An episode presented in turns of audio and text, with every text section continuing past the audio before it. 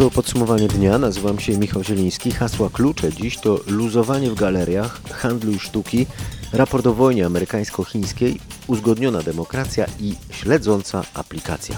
Zapraszam.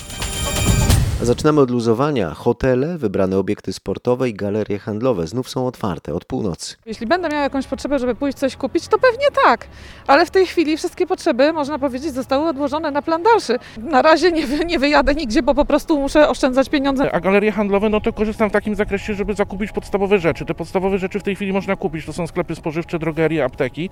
Natomiast na pewno nie zamierzam y, korzystać, no bo nie mam takiej potrzeby też w tej chwili, y, korzystać z pozostałych lokali, które są w galeriach handlowych. Mówili przechodnie w Warszawie. Boimy się i cieszymy, że znów tu jesteśmy, przyznawali z kolei w rozmowie z naszym reporterem pracownicy sklepów z ubraniami w Warszawie. Jakie pierwsze wnioski po tych pierwszych godzinach po otwarciu? Generalnie to jest jakiś tam strach. Człowiek się boi idąc do pracy, ale no chyba nie będzie tak źle, no. Jak długo sklep był zamknięty? Dwa miesiące. Dużo klientów od rana. Ani jednego. Oprócz znajomych nikogo. To było dużo przygotowań, żeby tu wszystko na nowo przygotować. Tak, przyszłam bardzo rano, y, jest dezynfekcja zrobiona, w tej chwili robię tam, wycieram kurze wszystkie, jakie tam tylko się da. Na razie trwa sprzątanie, odświeżanie po takiej przerwie. Stęskniła się pani za tym miejscem? Powiem panu, że bardzo. Za pracą, za ludźmi, za rozmową. Super, ja się cieszę, że wróciłam. Nawet jak się ma nic nie dziać, cieszę się, że jestem, gdzieś zmieniłam otoczenie, jestem tu i robię to, co robię. Te głosy wśród pracowników sklepów w stolicy zebrał nasz reporter Michał Dobrowicz. W galeriach są ograniczenia liczby klientów w poszczególnych sklepach i w całych obiektach. Co drugie miejsce ma być wolne na parkingach. Przymierzalnie z kolei mają być zamknięte albo dezynfekowane po każdym kliencie. Szef Polskiej Rady Centrów Handlowych Radosław Knap podkreśla, że klient nie będzie mógł na miejscu w galerii spożyć żywności kupionej w punktach gastronomicznych. będzie mógł zakupić na wynos, ale nawet nie będzie mógł jej spożyć e, na terenie mm, galerii. W związku z tym to też jakby ogranicza tą funkcjonalność e, mm, gastronomiczną. I o to właśnie chodzi władzom, które wprowadziły regulacje mające sparaliżować rekreacyjne i towarzyskie funkcje galerii. Stąd również wyłączone fontanny, nawet zakazane siadanie na ławeczkach. Nie wszystkie sklepy w galeriach handlowych zostały otwarte. Wiele sieci sklepowych ogłosiło, że nadal będzie utrzymywać zamknięcie. Niektóre zapowiadają wyprowadzenie się z wielkich domów towarowych. Krzysztof Berenda o tym, o jakich sklepach mowa i dlaczego rezygnują z galerii. Bardzo ciekawe komunikaty wydała sieć Empik oraz koncern LPP, który zarządza sklepami marek Reserved, Krop czy House. Firmy poinformowały, że wypowiedziały umowy na niektóre lokale w galeriach. Dlaczego? Powody są dwa. Po pierwsze to jest taktyka negocjacyjna, próba zmuszenia galerii handlowych do obniżenia opłat za najem lokali. Widać, że pomimo otwarcia sklepów ruch tam będzie mniejszy, więc działalność staje się nieopłacalna, chyba że czynsze zostaną obniżone. Po drugie, handlowcy zobaczyli, że sklepy poza galeriami normalnie w czasie koronawirusa mogły działać. Chodzi o sklepy wolno stojące, czy to na parterach budynków mieszkalnych. Jako, że problem koronawirusa może jesienią się znowu nasilić, to bezpieczniej jest mieć sklepy, których zakazy działalności nie obejmują. Po trzecie, wiele sklepów próbuje przestawić się na sprzedaż internetową. To pokazuje, że w przyszłości galerie handlowe mogą wyglądać zupełnie inaczej niż dzisiaj. Działać mogą nie tylko galerie handlowe, ale też sztuki oraz muzea. Mogą wznowić działalność, co nie oznacza, że muszą, przypominała dziś w faktach Katarzyna Sobiechowska-Szuchta z redakcji kulturalnej RMFFM. Muzea i galerie muszą zapewnić bezpieczeństwo i zwiedzającym, i pracownikom. Trzeba zmienić regulaminy, a te musi zaakceptować inspektor sanitarny. Najtrudniej będzie tam, gdzie wystawy mają multimedialny charakter i wszystkiego można dotknąć. Krakowski Mocak, Muzeum Sztuki Współczesnej, planuje ponowne otwarcie na wtorek, 12 maja. Muzeum Narodowe w Krakowie najwcześniej otworzy sukiennicę w połowie maja. Stołeczne Centrum Nauki Kopernik jest zamknięte, można tylko wejść bezpłatnie do ogrodu na dachu, w maseczce i w rękawiczkach.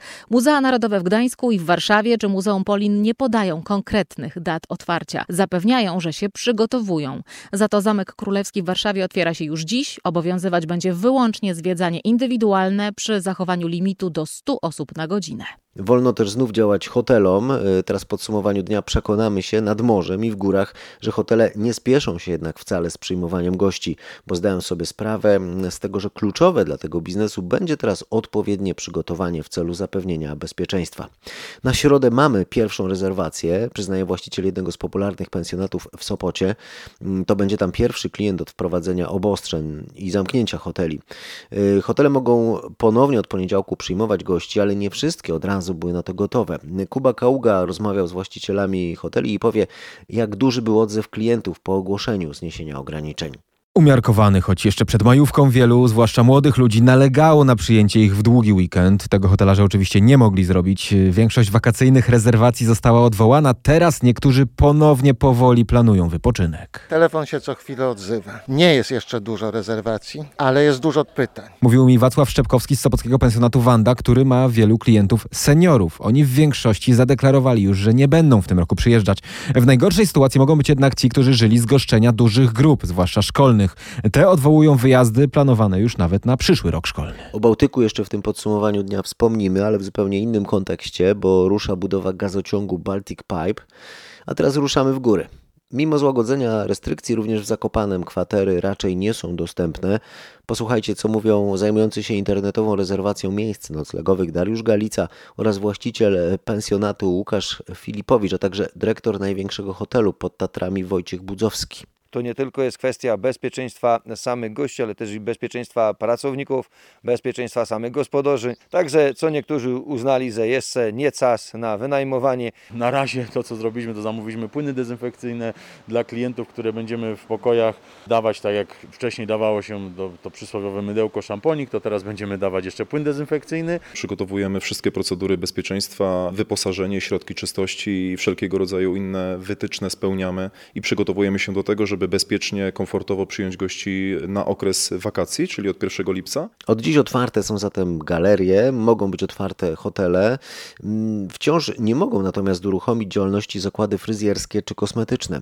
Właściciele i pracownicy tych miejsc mówią, że nie rozumieją dlaczego. Zaznaczają, że dla nich dezynfekcja foteli, blatów i akcesorów jest standardem, obowiązującym niezależnie od epidemii. Mają też możliwość wprowadzenia dodatkowych rozwiązań, o czym mówi Ewelina Wójcik z jednego z salonów fryzjerskich w Łodzi.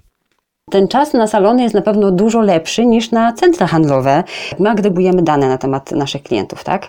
Za ich pozwoleniem, więc mamy jakby taką y, pierwszy krok y, bezpieczeństwa epidemiologicznego w postaci takiej, że możemy się z tymi ludźmi za każdym razem, kiedy jest jakieś ryzyko, niebezpieczeństwo, skontaktować. Dodatkowo możemy wprowadzić nawet jakieś formularze epidemiologiczne, możemy wprowadzić bardzo dużo też takich obostrzeń, które no, nie utrudnią nam pracy, a klient będzie czuł się komfortowo i będzie bardzo bezpieczny. Ale jak rano na naszej antenie zaznaczał szef kancelarii premiera Michał Dworczyk, otwarcie salonów fryzjerskich i usług kosmetycznych możliwe będzie najwcześniej za dwa tygodnie. Pan premier prezentując e, zasady tego drugiego etapu odmrażania e, życia gospodarczego i społecznego e, wyraźnie powiedział, że e, kolejny etap e, będzie możliwy najwcześniej po dwóch tygodniach, czyli po tym okresie, kiedy będziemy mogli przeprowadzić taką rzetelną ewaluację e, efektów e, teraz wprowadzanych e, rozluźnień. E, Zobaczymy, jaki będzie to miał, e, jakie będą miały te mm, decyzje wpływ na liczbę zachorowań, na dynamikę zachorowań i wtedy e, będziemy podejmować decyzje o e, kolejnym e, etapie zdejmowania obostrzeń. Natomiast też pan premier jasno zapowiedział, że może tak być, mam nadzieję do tego nie dojdzie, ale Dobrze, może tak panie- być, że Panie ministrze, obostrzenia powrócą. panie ministrze, to jest bardzo ważne pytanie, wbrew pozorom. Czy pan sobie maluje paznokcie u rąk? Nie, nie maluję. A u nóg? A nóg też. To znakomicie, bo wie pan, że znaczna część naszych obywateli, w większości zapewne obywatelek, maluje sobie te paznokcie. To jest straszny problem później zdejmować te hybrydy. Ja niewiele o tym wiem, żeby była jasność. E, Niemniej jednak pytanie o to, kiedy będą otwarte zakłady kosmetyczne i kiedy będą otwarte zakłady fryzjerskie jest bardzo ważne. Nie tylko dla tych pań, które mają dram, przeżywają dramat kosmetyczny, ale również dla tych, którzy pracują w tych zakładach. To prawda i zarówno otwarcie mm, e, salonów e, fryzjerskich, jak i usług kosmetycznych przewidziane jest na kolejny etap. E, Natomiast tak jak powiedziałem, on możliwy jest najwcześniej za dwa tygodnie. A teraz będę przemawiał, uwaga, głosem tysięcy, jeśli nie setek tysięcy nastolatek. Moja córka Maria ma pytanie, czy można chodzić na randki. Pozdrawiamy pana córkę. Odpowiedź jest można chodzić na randki, ale należy zachować bezpieczny dwumetrowy dystans. Czyli dwumetrowy dystans, maseczki i żadnego dotykania się, tak? Pięknie pan to spuentował. Dystans rośnie i trzeba się liczyć z tym, że może dojść do rękoczynów. Tak można streścić przesłanie raportu dla najwyższych chińskich władz, o którym pisze agencja Reutera. Dziennikarze tej agencji przyznają, że nie widzieli raportu dla prezydenta Xi i innych najwyższych oficjeli komunistycznej partii Chin. Podają, że dokument został im opisany przez wiarygodne źródła. W tym dokumencie przygotowanym przez wpływową grupę ekspertów, kiedyś pracującą w ramach Ministerstwa Spraw Wewnętrznych Chin, ostrzega się, że rosnące napięcie między Stanami Zjednoczonymi i Chinami może doprowadzić do konfrontacji, nawet do wojny. Na razie, jak się zauważa, antychińskie nastroje na świecie są najsilniejsze od czasu masakry na placu Tiananmen w 1989 roku. Biały Dom choćby w miniony weekend ustami sekretarza stanu Mike'a Pompeo oskarżył Chiny o to, że koronawirus uciekł z chińskiego laboratorium wirusologicznego, a władze w Pekinie zamiast ostrzec świat to zwlekały, jednocześnie dokonując zakupów sprzętu ochronnego. Chińczycy odpowiadają pięknym za nadobne. Dziennik Global Times, część głównej partyjnej grupy prasowej, żąda, by Mike Pompeo pokazał dowody. Chińskie media powtarzają również informacje o tym, że wirus był wcześniej na Zachodzie. A najnowsze ustalenia francuskich naukowców w sprawie epidemii koronawirusa wskazują, że rozpoczęła się ona we Francji w imigranckim getcie miesiąc wcześniej niż przypuszczano.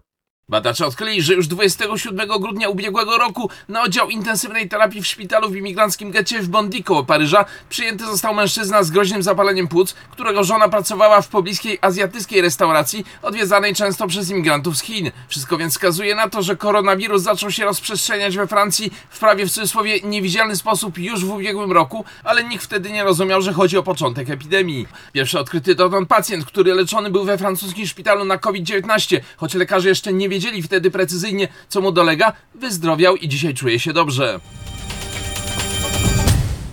Sprawdzimy teraz, co się dzieje w Stanach Zjednoczonych. To nie koniec epidemii, ale wszystkie dane wskazują, że najgorsze ten kraj ma już za sobą, pod warunkiem, że mieszkańców nie zwiedzie spadkowy trend, o czym informował z Waszyngtonu Paweł Żuchowski. Dzień dobry. W weekend zapełniły się parki, także nowojorski Central Park tętnił życiem. W stolicy USA na National Mall, czyli wielkim trawniku przed Kapitolem były tłumy. Eksperci podkreślają, że to jeszcze nie czas na znoszenie ograniczeń. Od wielu dni liczba zgonów utrzymuje się każdej doby poniżej 2000. Wczoraj zmarło 1450 osób. Jest lepiej, ale jeszcze nie idealnie, podkreślają eksperci. Nigdy nie mówiliśmy, że to koniec. Mój instynkt podpowiada, że kiedy ludzie widzą zmniejszające się liczby, mogą odczuwać fałszywą otuchę. Przestrzega natomiast gubernator Nowego Jorku. A Donald Trump stwierdził nawet, że umrze 100 tysięcy Amerykanów. Do dziś zmarło blisko 68 tysięcy osób. Z Waszyngtonu Paweł Żuchowski. Niemcy otworzyli w poniedziałek szkoły, markety i salony fryzjerskie. Kraj powoli zaczyna znosić ograniczenia spowodowane epidemią. Ta wyraźnie zwolniła. Liczba nowych wykrywanych przypadków to już w Niemczech mniej niż tysiąc dziennie. Sytuację śledzi Aneta Łuczkowska, która powie, jakie dokładniej decyzje wprowadzili w życie nasi zachodni sąsiedzi. Od dziś szkoły wznowiły zajęcia, ale tylko dla uczniów ostatnich klas. Nadal zamknięte są przedszkola. Po kilku tygodniach przerwy salony otworzyli fryzjerzy, muszą natomiast strzyc w maseczkach i rękawiczkach. Otwarte zostały też markety, a w niemieckich mediach można znaleźć zdjęcia gigantycznych kolejek klientów do sklepów popularnej sieci wnętrzarskiej. Część landów otwiera też muzea, ogrody zoologiczne i botaniczne. Przypomnę, że od tygodnia w Niemczech obowiązuje nakaz noszenia maseczek. Trzeba je zakładać m.in. w sklepach i komunikacji publicznej. Za brak maseczki lub jej noszenie na brodzie grożą mandaty w wysokości 50 euro. Belgia w poniedziałek również łagodziła ograniczenia wprowadzone w związku z pandemią. Tamtejsze władze oceniają, że minął już szczyt zachorowań, kiedy to dziennie umierało około 400 osób, a teraz liczba zgonów to mniej więcej 80. Nasza korespondentka w Brukseli, Katarzyna Szymańska-Borginą, przybliży na czym polega to poluzowanie przepisów w Belgii. Od dzisiaj gminy mają zacząć dystrybucję darmowych maseczek z bawełny. Każdy obywatel ma prawo do jednej maseczki i dwóch filtrów. Na razie Belgowie będą musieli zakrywać twarze jedynie korzystając ze środków transportu publicznego. Otwarte będą sklepy z tekstyliami. Chodzi m.in. o to, żeby można było kupić materiał i zrobić sobie samemu maseczkę. Od dzisiaj będzie można iść na spacer z dwoma osobami, które z nami nie mieszkają pod jednym dachem. Śluby będą możliwe, ale tylko z obecnością świadków, a w pogrzebach uczestniczyć może maksimum 15 osób. Na brytyjskiej wyspie White zaczynają się testy aplikacji, która ma ostrzegać jej użytkowników przed koronawirusem. Jeszcze w tym miesiącu ta aplikacja może zostać udostępniona na terenie całej Wielkiej Brytanii, o czym informuje nasz korespondent w Londynie Bogdan Frymorgan. Żeby taka aplikacja działała skutecznie, 60% wszystkich mieszkańców Wielkiej Brytanii musiałoby jej używać. Tożsamość użytkowników pozostaje anonimowa, ale będą mogli się dowiedzieć, czy przebywali blisko osoby zakażonej koronawirusem, mówi minister transportu Graham Shapes. Aplikacja działa na innej zasadzie niż te już stworzone przez amerykańskie firmy, które funkcjonują bez gromadzenia centralnej bazy danych. Ta testowana na wyspie White będzie miała taką bazę, ale dysponować nią będzie służba zdrowia, a nie rząd. Pytanie, czy ta subtelna różnica wystarczy, by rozwiać wątpliwości Brytyjczyków i zachęcić ich do udziału w tym programie.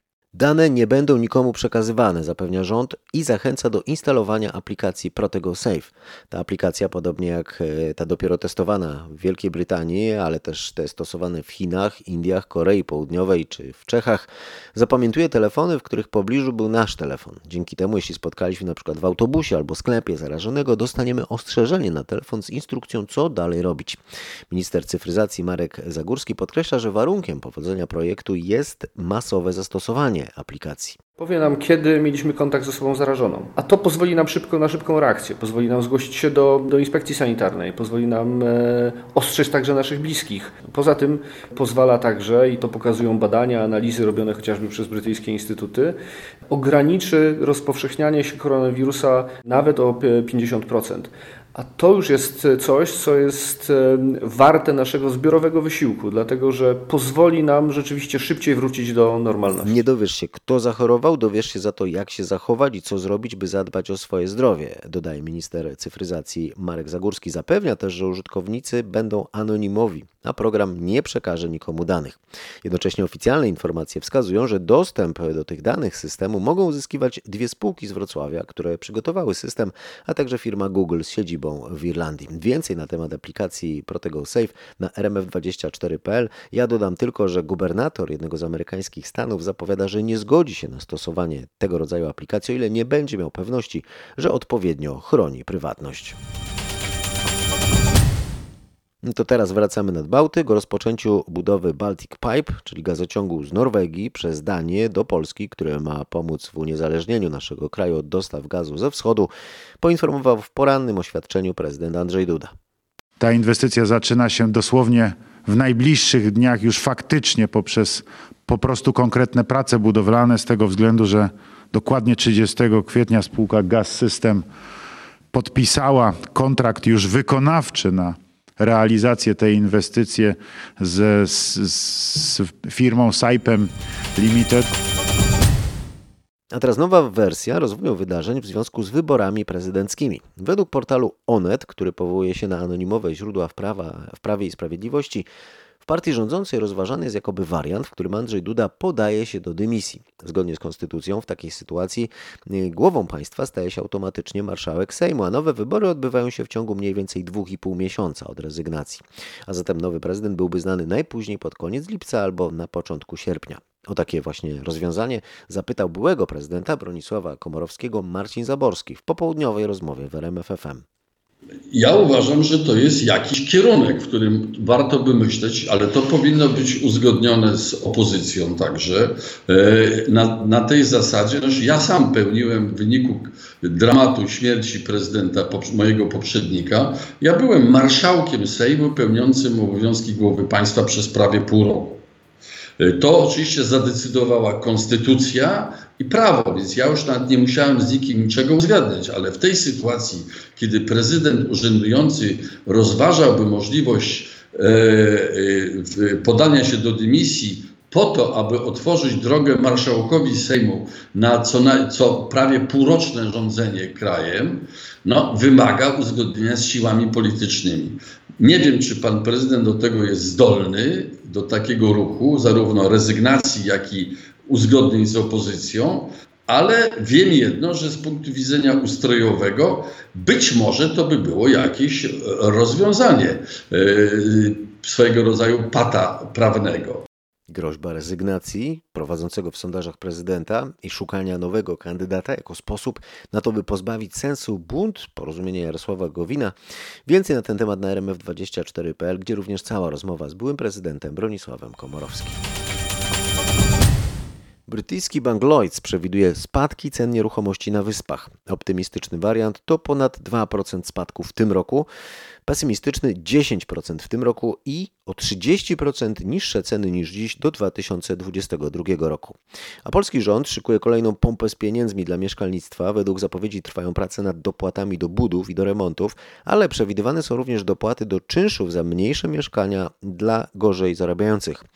Osoby z najpoważniejszymi problemami finansowymi mogłyby według tego zamysłu dostawać od rządu nawet po 1500 zł miesięcznie na czynsz. Osoba w potrzebie ma dostawać maksymalnie 75% dopłaty do czynszu, nie więcej jednak niż wspomniane 1500 miesięcznie. I to ma być wypłacane przez pół roku. Wnioski o ten powiększony dodatek mieszkaniowy składałoby się do gminy. Warunki są trzy. Po pierwsze, trzeba spełnić warunki otrzymania dodatku mieszkaniowego, czyli dochód na członka rodziny razem z dziećmi nie może przekroczać 1500 zł lub w przypadku osób samotnych 2100 zł. Po drugie, nasze dochody muszą spaść o 25% w porównaniu z zeszłym rokiem. Wyobraźmy sobie fryzjera, który w ciągu ostatnich miesięcy stracił pracę, wynajmował mieszkanie.